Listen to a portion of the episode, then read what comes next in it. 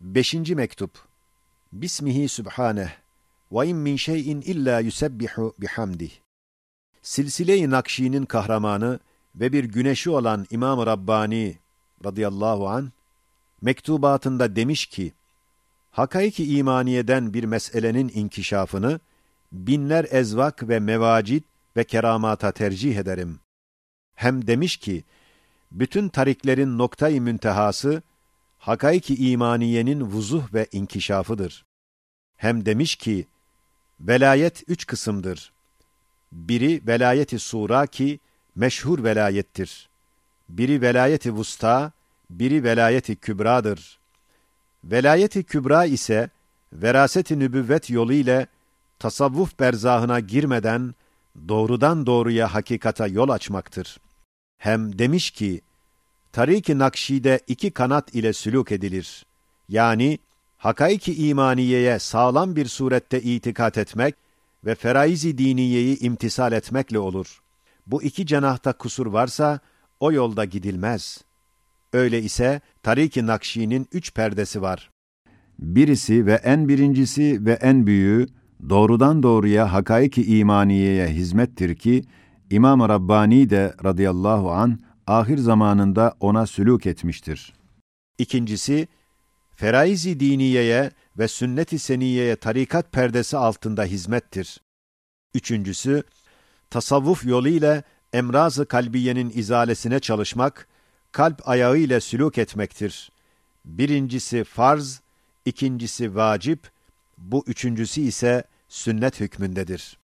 Madem hakikat böyledir, ben tahmin ediyorum ki, eğer Şeyh Abdülkadir Geylani radıyallahu an ve Şah-ı Nakşibend radıyallahu an ve İmam-ı Rabbani radıyallahu an gibi zatlar bu zamanda olsaydılar, bütün himmetlerini hakaiki imaniyenin ve akaid-i İslamiyenin takviyesine sarf edeceklerdi.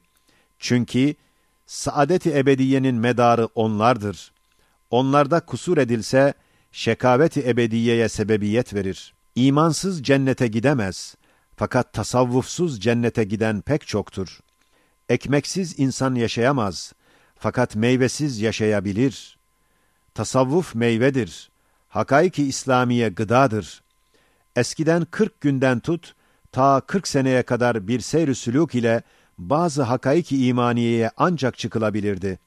Şimdi ise Cenab-ı Hakk'ın rahmetiyle 40 dakikada o hakaika çıkılacak bir yol bulunsa, o yola karşı lakayt kalmak elbette kârı akıl değil.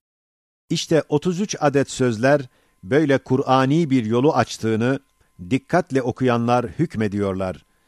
Madem hakikat budur, esrar-ı Kur'aniye'ye ait yazılan sözler, şu zamanın yaralarına en münasip bir ilaç, bir merhem ve zulümatın tehacümatına maruz heyet-i İslamiye'ye en nafi bir nur ve dalalet vadilerinde hayrete düşenler için en doğru bir rehber olduğu itikadındayım. Bilirsiniz ki, eğer dalalet cehaletten gelse, izalesi kolaydır. Fakat dalalet, fenden ve ilimden gelse, izalesi müşkildir.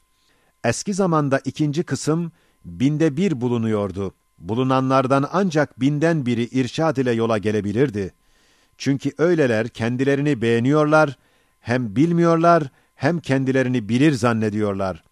Cenab-ı Hak şu zamanda icazı Kur'an'ın manevi lemaatından olan malum sözleri şu dalalet zındıkasına bir tiryak hasiyetini vermiş tasavvurundayım. El-Baki huvel-Baki Said Nursi